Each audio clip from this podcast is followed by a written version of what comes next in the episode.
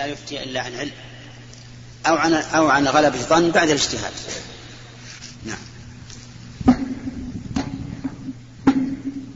السلام عليكم ورحمة الله وبركاته. نعم. تفضل. عليكم السلام ورحمة الله وبركاته. السؤال هو يخص السؤال الذي هو الصم الأبكم. هل هو مكلف مثل لغير المسلمين؟ الصم أبكم الأصم الأبكم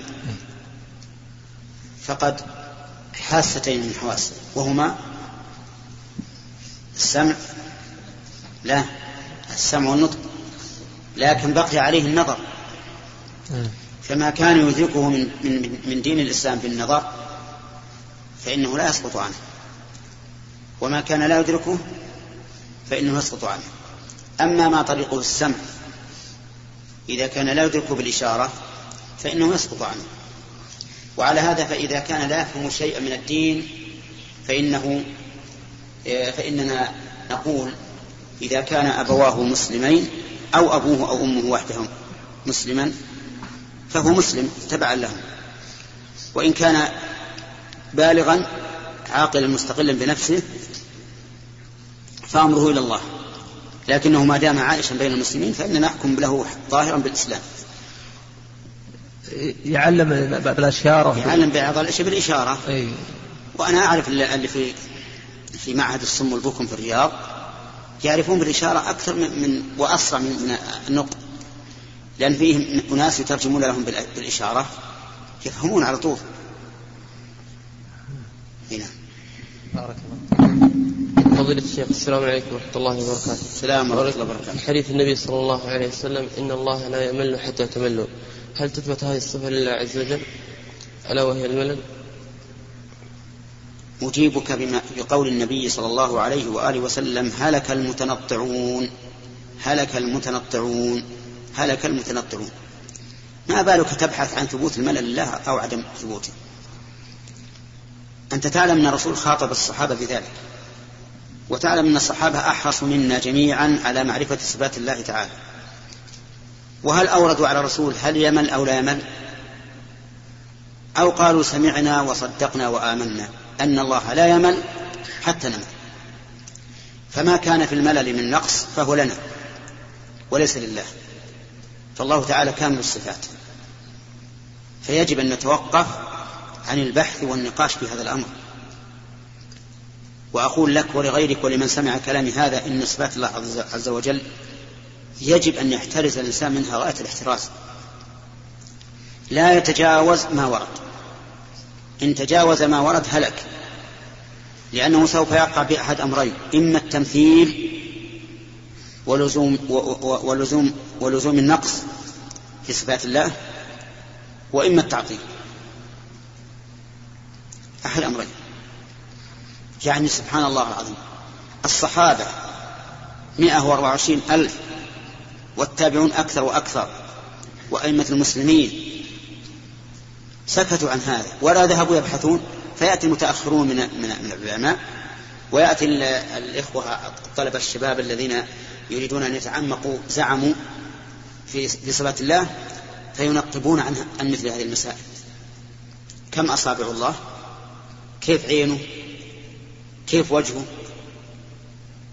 أما تعلم أن أن الإمام مالك رحمه الله لما قال له شخص يا أبا عبد الرحمن يا أبا عبد الله الرحمن على العرش استوى كيف استوى؟ أطرق برأسه حتى جعل يتصبب عرقا. خجلا من هذا السؤال واستعظاما له وتعظيما للرب عز وجل. ثم رفع رأسه وقال يا هذا الاستواء غير مجهول والكيف غير معقول والإيمان به واجب والسؤال عنه بدعة وما أراك إلا مبتدعا ثم أمر به أن يخرج فخرج من المسجد. المسائل يا إخواني أيها الشباب مسائل الصفات لا تحرصوا على التعمق فيها فتقعوا في الهلاك. قولوا سمعنا وآمنا وصدقنا وليس كمثله شيء وهو السميع البصير. نحن ما دمنا نعمل فالله تعالى يثيبنا. ولا يمل حتى نمل. والملل إذا كنت ترى أنه نقص فيك فلا تثبت الله صفة نقص فهو ملل يليق به ونعلم أنه لا يستلزم نقصا في حق الله إن كان ثابتا له. عرفت؟ وأحذرك وأحذر السامعين من من التنطع والتعمق في هذا. مسألة خطيرة. عليكم بما كلفتم به من الأعمال ودعوا ما لم تكلفوا به. ابحث كيف تصلي كيف تتوضأ كيف تصوم كيف تصدق. واترك صفات الله عز وجل. خذها كما جاءت ولا تنقب عنها. لأن أمامك أناس لأن أمامك أناس. أهم منك. وأحرص منك على معرفة الله. وأحب منك للخير وللعلم. ما ناقش الرسول فيها. اللي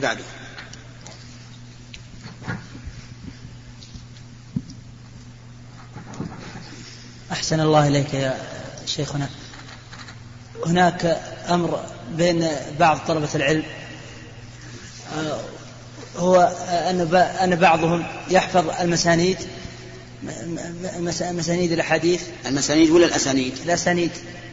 ويرويها آه، ويجلس يشرح في هذه الأسانيد آه، فترة طويلة ويذكر الرواة ويذكر آه، ما في ما في هذا الحديث حتى أن مرة سمعت حديث إنما الأعمال بالنيات من بعد صلاة المغرب إلى أذان العشاء ولم يشرح الحديث نفسه.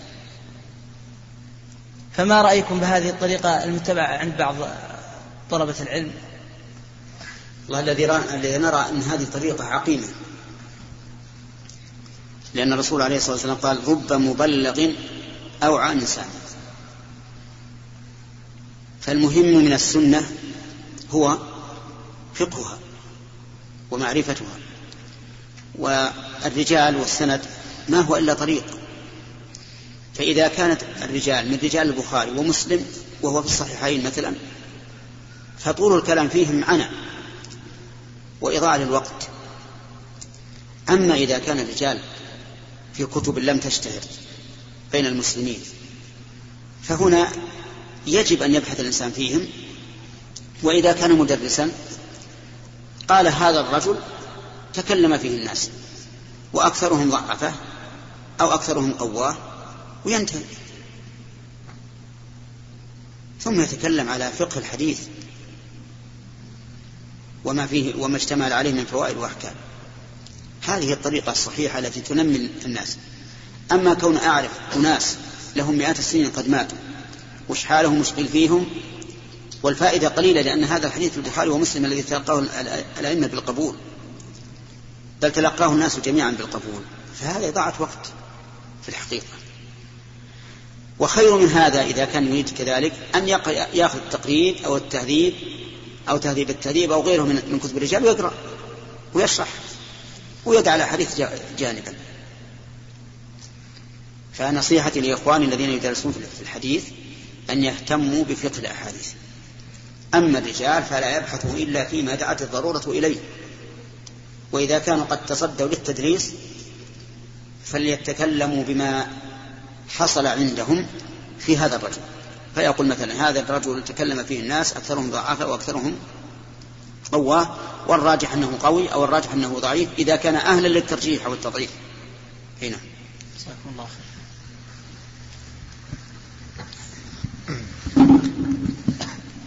فضيلة الشيخ سمعت من بعض الإخوة يقول أنك إذا ألقيت السلام على بعض الناس وقلت السلام عليكم ورحمة الله وبركاته فلك به هذا ثلاثون حسنة.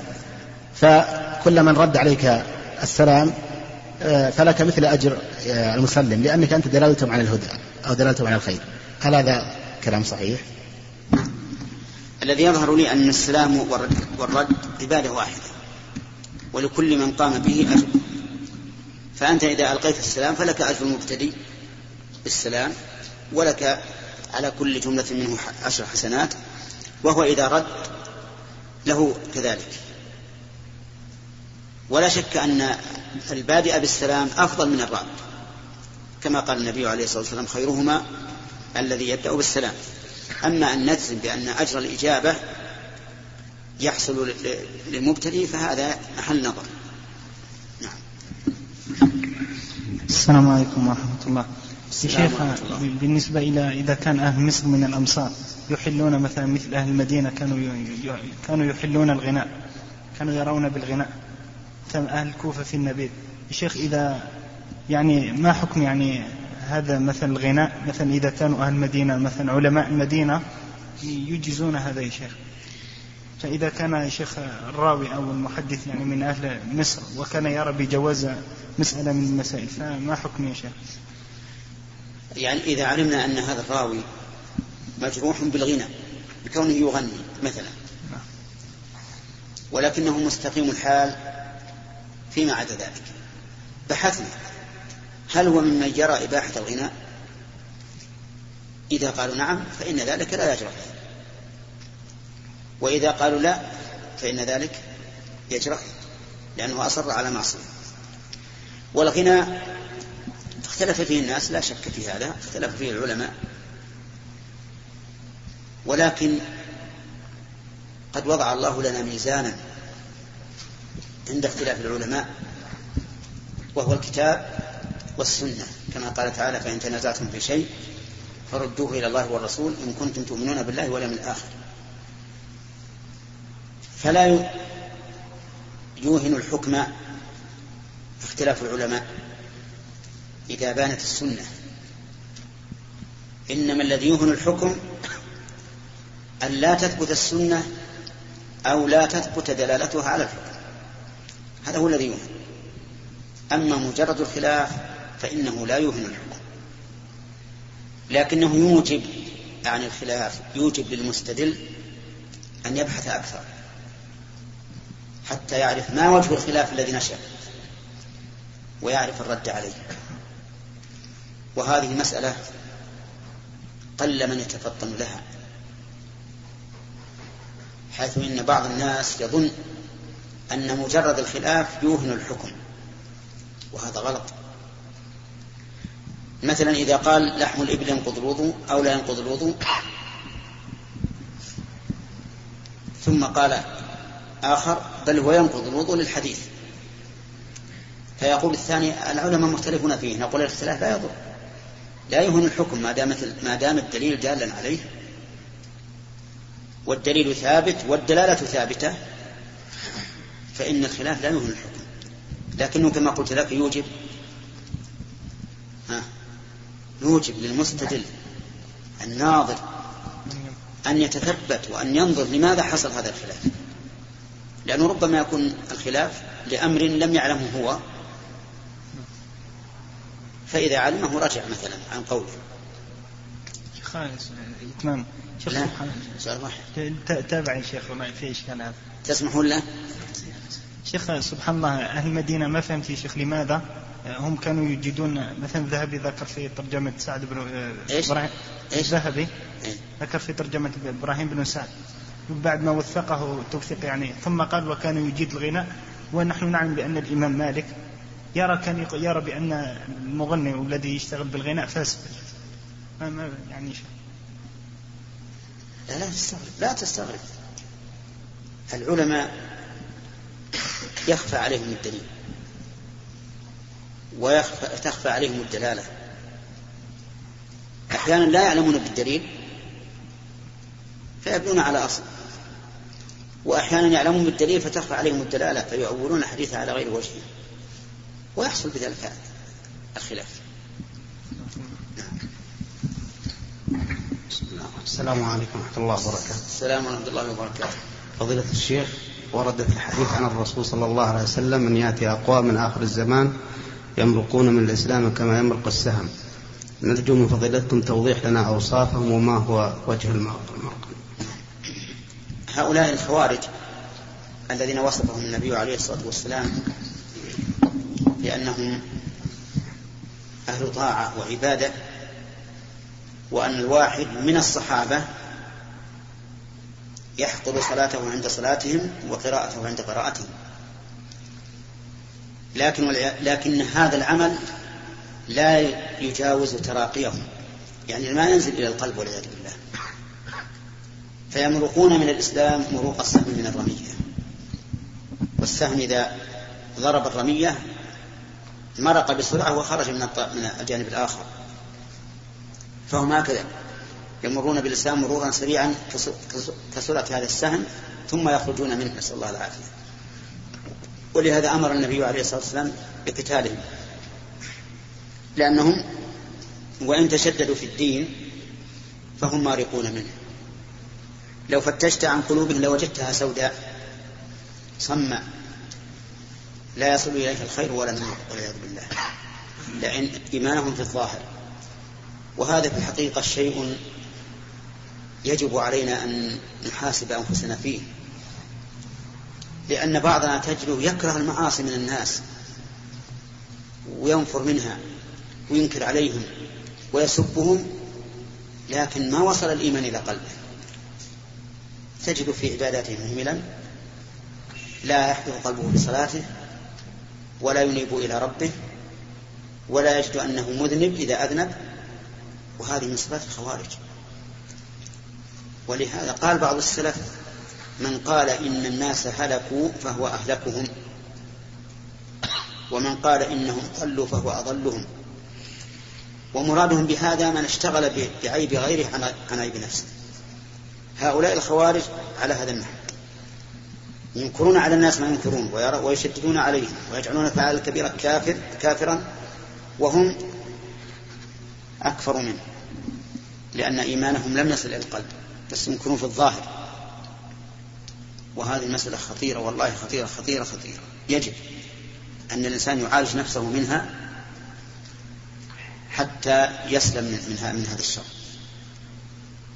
يعني وهؤلاء ليسوا في آخر الزمان. نعم في آخر الزمان بالنسبة للرسول عليه الصلاة والسلام لكنهم سبقوا من عهد الخلفاء الراشدين وهم موجودون. بل إن بعضهم في عهد الرسول لكن ما حملوا السلاح. فالذي قال للرسول أن كان ابن عمتك يا رسول الله لما حكم الزبير بن عوام هذا نوع من الخروج. والذي قال للرسول لما قسم الغنائم اعدل أو هذه قسمة ما أريد بها وجه الله هذا أيضا نوع من الخروج. نعم. يعني هم يقرون بسنة الرسول صلى الله عليه وسلم. ظاهرا. ظاهرا. يقتدون ظاهرا لكن الرسول عليه الصلاة والسلام يقول لا يجاوز تراقيهم أو قال حناجرهم. طيب كيف نحكم عليهم بذلك؟ كيف نعرفهم؟ هذه هي اللي يجب أن يتوقف الإنسان فيها. يعني ورد في نحن, نحن ورد فيهم علامات في عهد الرسول. الرسول أخبر بعلامات لهم. منها ما وقع في عهد علي بن أبي طالب رضي الله عنه مثل الرجل السدية الذي أخبر الرسول عنه وجد في رجال معاوية وغيره. لكن نحن الآن ما نقدر نحكم على هؤلاء بأنهم خوارج لكن إلا إذا علمنا رأيهم رأي الخوارج عرفنا أنهم منهم. طيب مثال ذلك من يرى جواز الخروج على أئمة المسلمين. من يرى الخروج على جواز الخروج على أئمة المسلمين الذين هم مسلمون فهؤلاء من هذا رأي الخوارج. نعرف أن هؤلاء متشددون في دين الله لكن دينهم لم يتجاوز حناجرهم. قلوبهم خاوية خالية من الإيمان. كثير من الناس مثل المحلقين اللحام والمسبلين يرمون الملتزمين بأنهم أن يخرجون من الإسلام كما يخرج السهم لا لا. ما رأي فضيلتكم ما صحيح. الفاسق معلوم يرى يرى يرى العدل إنه إنه كافر هؤلاء لا تقبل شهادتهم ولا يقبل حكمهم. الفسق فسق. يا أيها الذين آمنوا إن جاءكم فاسق بنبأ فتبينوا أن تصيبوا قوما بجهالة فتصبحوا على ما فعلتم نادمين.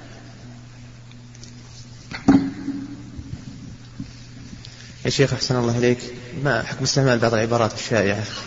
مثل لا سمح الله ولا قدر الله. المرحوم فلان المغفور له فلان. نعم. أما لا سمح الله فأكرهها لأنها تنبي عن ضغط وإكراه لله عز وجل والله لا مكره له. وأما لا قدر الله فلا بأس. لأن معنى لا قدر الله أسأل الله أن لا يقدر هذا. وكذلك المغفور له والمرحوم لا بأس بها أيضا لأنها ليست خبرا وإنما هي دعاء. كما ولا فرق بين أن تقول فلان غفر الله له أو فلان المغفور له إذا قصدت الدعاء لأن جملة غفر فعل ماض تدل على أن الغفران حاصل. لكن لما كنت تريد أن أن تسأل الله أن يغفر له صارت جائزة. كذلك المغفور له اسم مفعول تدل على وقوع المغفرة. لكن لما كنت تريد أن الله أن أنك تسأل الله أن يغفر له صارت جائزة. فيظن بعض العامة أنك إذا قلت فلان المرحوم يعني معناه أنك أن هذا خبر وأن الله رحمه هذا غلط. أنا أقول مرحوم يعني الذي أسأل الله أن يرحمه. وكذلك المغفور له. إذا حسب قسم تكلم. إي نعم. كما اللي فلان غفر الله له. إن كان قصدك تخبر بأن الله غفر له هذا حرام ما يجوز. ما تشهد على الله. هذا الله عنك. فضيلة الشيخ علم فقه الواقع أصبح على لسان الكثير من إخواننا ما بين مفرط ومفرط فما هو ضابطه الشرعي وما هي الأدلة على وجود ما يسمى بهذا المسمى عند سلف هذه الأمة؟ نرجو من فضيلتكم البسط في, في ذلك لأهميته ولحالة الكثير من إخواننا إلى ذلك. وجزاكم الله خير. فقه الواقع يعني فقه فقه واقع الناس. يعني فقه واقع الناس. هذا فقه الواقع. ومن المعلوم أن واقع الناس لا بد أن يكون معلوما لدى الإنسان حتى يعرف ماذا يعيش فيه. وقد أرشد النبي عليه الصلاة والسلام إلى هذا المعنى في قوله حين بعث معاذ إلى اليمن إنك تأتي قوما أهل كتاب. فأخبره عن واقعهم وحالهم. لكن لا يجوز بحال من الأحوال أن يطغى على الفقه في الدين. وأن يكون ليس للشاب أو, لغير الشاب هم إلا أن يبحث ما حصل وماذا حصل. في أمر لا يمكنه إصلاحه أيضا لو أراد الإصلاح. فالفقه في الدين هو الأصل. ولهذا قال النبي عليه الصلاة والسلام من يرد الله به خيرا يفقهه في الدين والفقه في الواقع نحتاج إليه لنطبق الفقه الديني على الفقه على على على أحوال الناس. لأنه لا يمكن أن تحكم على شخص بأنه فسدت صلاته مثلا حتى تعرف أنه فعل مفسدا. أو أن صومه بطل حتى تعرف أنه بطل. لكن لا يجوز بأي حال من الأحوال أن يطغى فقه الواقع على الفقه في الدين بحيث يكون الإنسان ليس له هم إلا مطالعة المجلات والجرائد وما أشبه ذلك ويعرض بذلك عن مطالعة الكتاب والسنة. يعني معظمهم الشيخ يقصدون بفقه الواقع عن معرفة أخبار البلاد و... هذه هذه هو اللي قلت لك لا تشغل نفسك بهذا عن الفقه في الدين. لكن الفقه في الدين محتاج إلى فقه الواقع من أجل أن نطبق الحكم الشرعي على الواقع. نعم. السلام. أحسن الله إليكم شيخنا. امرأة دخل عليها وقت صلاة الظهر فانشغلت ببعض أمورها وقبل خروج الوقت ولما همت بالصلاة حاضت. فهل تصلي إذا طهرت؟ نعم. الصحيح أن المرأة إذا طهرت وقد أدركت من الوقت مقدار ركعة وجب عليها أن تقضي الصلاة. لقول النبي صلى الله عليه وآله وسلم أدرك ركعة من الصلاة فقد أدرك الصلاة. هذه أدركت من وقتها ركعة فيجب عليها أن تقضي الصلاة. السلام عليكم ورحمة الله وبركاته. السلام ورحمة الله وبركاته.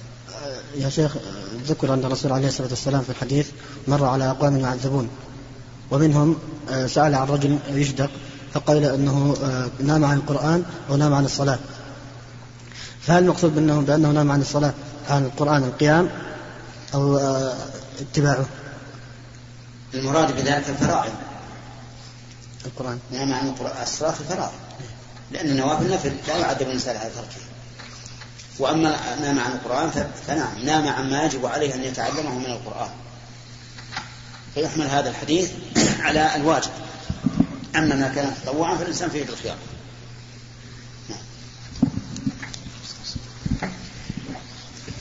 فضيلة الشيخ عفى الله عنك. بالنسبة للبس المعصفر والأحمر هل هو يعني خاص بالرجال والنساء؟ يعني في حكمه وما الراجح في حكمها؟ وهل هي في الثياب والسراويل والفلاين أو في نوع منها؟ اللباس الأحمر الخالص نهى, نهى النبي صلى الله عليه وسلم عنه. لكن بشرط أن يكون خالصا. أما إذا كان فيه خط أو خطوط بيضاء أو ليس أحمر خالصا فإنه لا بأس به لا للرجال ولا للنساء. فضيلة الشيخ جزاكم الله خير. كثير من الإخوة هداهم الله. يشاهد المباريات من خلال التلفزيون ويقول أن هذا ليس في شيء. مع العلم أن المباريات يظهر فيها كشف العورات وكذلك آه، خصوصا المباريات الآن اللي تحصل تكون في خارج المملكة ويحضر في المدرجات نساء. وللأسف قد يكون منهم بعد ملتزم ويحتاج بأنه يعني فقط للمشاهدة ليس للتشجيع والحماس. الواقع أن ما أشرت إليه قد ابتلي به بعض الناس. وصاروا يهوون هواية شديدة النظر إلى المباريات. حتى إن بعضهم ربما يدعو الصلاة مع الجماعة من أجل هذا. ولا ولا ريب أنه إذا ترك الجماعة من أجل هذا أنه عاصي وآثم لأن الجماعة واجبة. لكن إذا قدرنا أنه بعد أن صلى العشاء جلس فهنا نقول جلوسك هذا إن سلمت من الإثم فإنه لغو ولكنني لا أظنه يسلم من الإثم. لأمور. أولا أنه يضيع وقته في غير فائدة. والوقت أغلى من المال وأثمن من المال للعاقل. ولهذا قال الله تعالى حتى إذا جاء أحدهم الموت قال رب ارجعون لعلي أعمل صالحا فيما تركت. ما قال لعلي أشاهد مباريات أو أتمتع في الدنيا قال لعلي أعمل صالحا فيما تركت فهذا يدل على ندمه على ما أضاعه في غير في غير طاعة الله عز وجل. ثانيا أنه يوجب تعلق القلب بهذا. لكن لو فطم نفسه عنه ما همه. كما هو معروف في, في, في الأخوان الذين لا يطالعونها لا لا تهمهم. بل إذا كانوا يشاهدون الأخبار ثم جاءت هذه المباريات أغلقوا التلفزيون. لكن إذا صار يشاهدها تعلق قلبه بها وألفها وصار حبه لها غراما. ثالثا أنه ربما يغلب في هذه المباراة من هو كافر أو فاسق فيقع في قلبه تعظيمه ومحبته وموالاته. وهذه خطيرة. رابعا أنه سيضيع مالا بما ينفقه على هذا التلفزيون من أجرة الكهرباء. وكذلك الأضواء في المحل الذي هو فيه ربما يستغرق شيئا كثيرا من الأموال. لذلك نرى أن مشاهدة هذه المباريات فيها شيء من السفة وفيها شيء من الخطر على الإنسان. فالذي ينبغي لك أيها الحازم أن لا تشاهد هذه المباريات. الجلد الجلد اللي قدموا أخيرا. أخذت سؤال. نعم. نعم. فضيلة الشيخ السلام عليكم ورحمة الله وبركاته. السلام ورحمة الله وبركاته. أحد الإخوة يا شيخ كان يتكلم في التلفاز عن التلفاز. فمن المعروف يا شيخ من كلامكم هذا اللي نعرفه أنه على ما يستخدم عليه ولكن لا تحبذه. هذا لما أعرف ألا أعرف لعلك تجدد ما في نظري. ولكن يقول إذا كانت التلفزيون والجهاز يستعمل لشيء مثل من الأشياء الخيرة. فالأصل فيه أنه للخيرات. لأن الوسائل تحكم. الوسائل لها الغايات على غاياتها. ولكن يقول يا شيخ بالنسبة للصورة التي تعرض سواء لخير أو غيره ولكن لخير لو كانت لخير على المسألة ولكن هذه الصورة يا شيخ. هل يحكم عليها بأنها صورة؟ أم ماذا يا شيخ؟ يا حفظك الله وبارك الله فيك. نعم هي صورة لا شك لكنها ليست حراما. لأن هذه الصورة في الشر... إن كان إن كان في شريط فيديو فإنها لا تظهر في نفس الشريط إنما تظهر على الشاشة فقط. وإن كانت مباشرة فهي صورة آدم تشاهد كأنما تشاهد شخصا من طاقة من البيت. وليس كل ما يسمى صورة يكون حراما. فإن الإنسان يقف أمام المرآة ويشاهد صورة. ومع ذلك لا نقول إن هذه الصورة حرام. فالمحرم من الصور الصور الثابتة التي تثبت باليد آه، تثبت على الأوراق. أما هذه فليست بثابتة لكن إذا كان الإنسان يخشى على نفسه من مشاهدتها كما لو ظهر في الأخبار امرأة أو شاب جميل وتخشى المرأة على نفسها منه فهنا لا تنظر إليه. يسمع ولا ينظر وأما قوله إن فيها خير نعم هو فيه خير وفيه شر لكن في الوقت الحاضر شره أكثر من خيره. والإنسان العاقل لا ينبغي أن يقتنيه في بيته حتى ولا للإخبار لأنه إذا اقتناه البيت فلن يقتصر على الأخبار فقط. لا بد أن يأتي أخبار وغير أخبار. فنصيحتي لإخواني, لإخواني أن يدعوا اقتناء التلفزيون مطلقا مهما كان. ولا سيما إذا جاء هذا الشبح الذي يهددون به الآن وهو البث المباشر الذي سوف يشاهد الناس ما كان عليه الدول الفاجرة الكافرة من الخلاعة والمجون والكفر. وإثارة الناس على ولاتهم لأن الذين في الخارج سينشرون كل ما قيل. حتى لو فيه مثلا ما يفرق بين بيننا وبين ولاة أمورنا فعلوا. لأنهم يريدون الشر يريدون الثورات يريدون القلق. لا يريدون الأمن لهذه البلاد. ولهذا كان واجبا على الإنسان أن يحذر من هذا البث المباشر حتى يسلم الناس من شره. نعم. فضيلة الشيخ الرسول صلى الله عليه وسلم يقول يتبع الميت ثلاث. الميت. الميت ثلاث.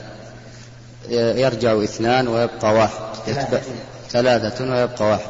لا. يتبع الميت ثلاثة. يتبع الميت ثلاثة يرجع اثنان ويبقى واحد. يرجع ماله ودمه فيرجع ماله وأهله ويبقى عمله. كيف يعني ماله يتبع؟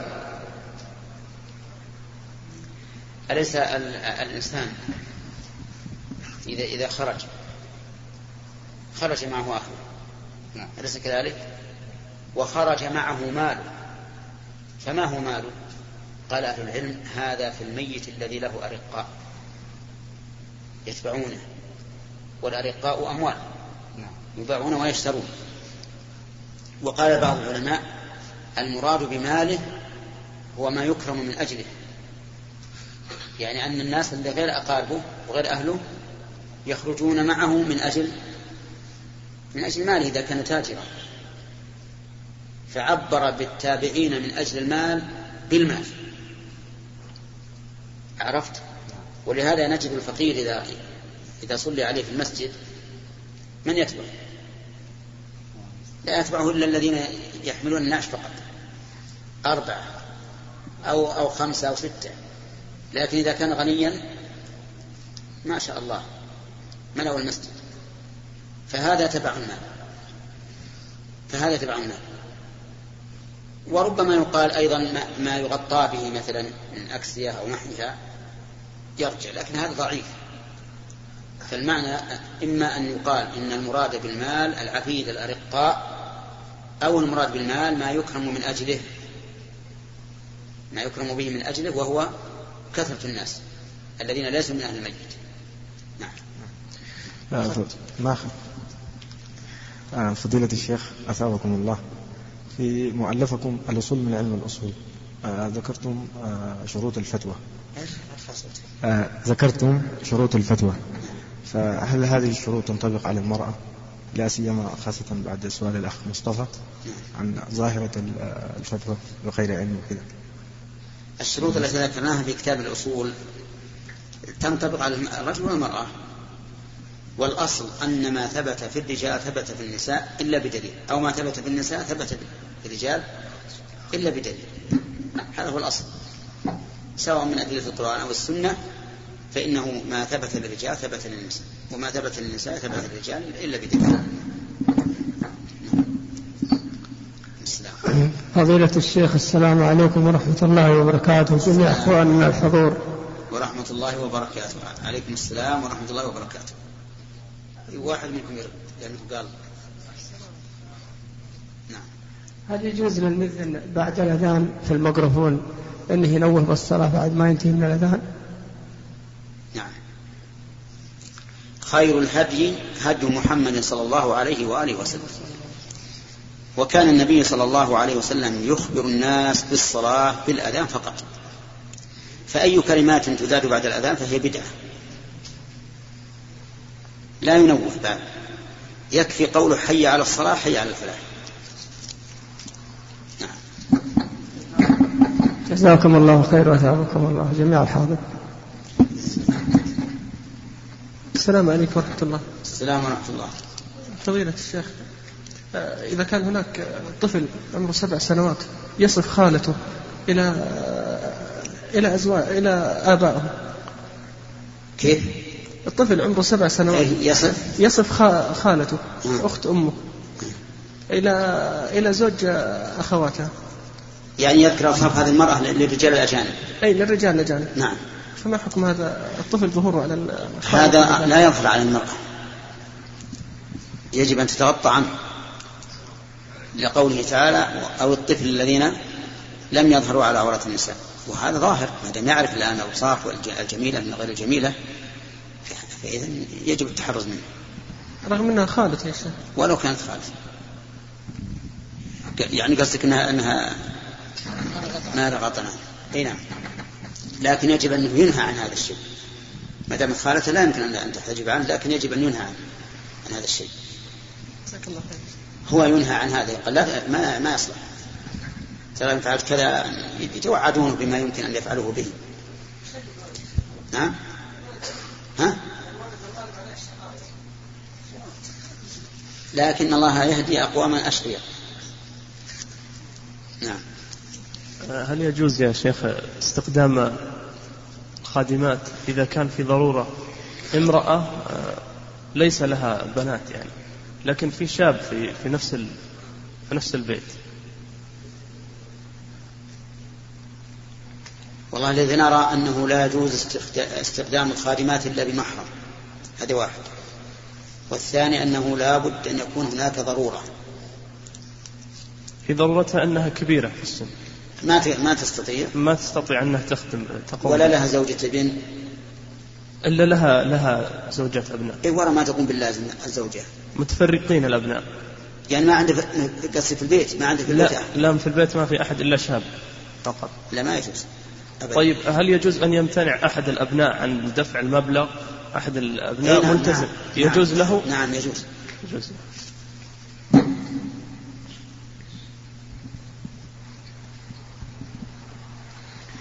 ترى اعطاه كم ساعة؟ ها؟ كمل اعطاه ثلث خلاص. السلام. ولعلنا ننتهي على هذا لأن ما بقي العشر دقائق على الأذان. وإلى لقاء آخر إن شاء الله. والسلام عليكم ورحمه الله وبركاته السلام عليكم ورحمة الله وبركاته. أما بعد فإن إخوانكم من المسلمين في جمهورية البوسنة والهرسك يعذبون من أعداء الله ويقتلون ويعاملون بأنواع العذاب والظلم فالواجب عليكم جميعا مساعدتهم بأنواع المساعدات بالمال والجاه والدعاء. عملا بقول الله عز وجل إنما المؤمنون إخوة وقوله سبحانه وتعاونوا على البر والتقوى. وقول النبي صلى الله عليه وآله وسلم المؤمن للمؤمن كالبنيان يشد بعضه بعضا. وشبك بين أصابعه. وقوله صلى الله عليه وسلم مثل المؤمنين في توادهم وتراحمهم وتعاطفهم مثل الجسد الواحد إذا اشتكى منه عضو تداعى له سائر الجسد بالسهر والحمى متفق على صحتهما. ولما ثبت عنه صلى الله عليه وسلم من الأمر بنصر المظلوم في قوله صلى الله عليه وسلم المسلم أخو المسلم لا يظلمه. ولا يسلمه متفق على صحته. ولما أوجب الله من نصر المسلمين ضد أعداء الله فإن إخوانكم من المسلمين في جمهورية البوسنة والهرسك في صراع مع أعداء الله من الصرب وأنصارهم فالواجب على جميع المسلمين أن يساعدوهم بالمستطاع للأدلة المذكورة من الأحاديث من الآيات والأحاديث ولقوله عز وجل فاتقوا الله ما استطعتم وقوله صلى الله عليه وسلم ما نهيتكم عنه فاجتنبوه وما أمرتكم به فأتوا منه ما استطعتم. وهم من أحق الناس بالمساعدة من الزكاة وغيرها دعما لنضالهم وسدا لحاجتهم وإعانة لهم على الصمود أمام أعداء الله سبحانه وتعالى. ونوصي جميع لجان الإغاثة في المملكة العربية السعودية وغيرها بالعناية بشأنهم وجمع التبرعات لهم من الزكاة وغيرها. والله المسؤول أن يوفق المسلمين حكومات وشعوبا لكل خير. والله المسؤول أن يوفق المسلمين حكومات وشعوبا لكل خير. آمين. وأن ينصر بهم دينه ويخذل بهم أعداءه. آمين. وأن يعينهم على نصر إخوانهم المظلومين في كل مكان. آمين. وأن يوفق إخواننا المسلمين في جمهورية البوسنة والهرسك وغيرهما لكل ما فيه رضاه. آمين. وأن يمنحهم الفقه في الدين وأن يجمعهم على الحق وأن وأن يولي عليهم خيارهم ويصلح قادتهم وأن يكتب لهم النصر على أعداء الله سبحانه وتعالى. إنه ولي ذلك والقادر عليه. والسلام عليكم ورحمة الله وبركاته. عليكم السلام ورحمة الله وبركاته. الرئيس العام لرابطة العالم الإسلامي بمكة المكرمة والرئيس العام لإدارات البحوث العلمية والإفتاء والدعوة والإرشاد في المملكة العربية السعودية. ونحن كذلك نحثكم على التبرع لهم. ومن كان عنده شيء فليسلمه إلينا. ولم نتمكن من إعداد من يقفون على أبواب المسجد لجمع التبرعات. ولكن سيكون هذا إن شاء الله في الجمعة الماضية في الجمعة المقبلة.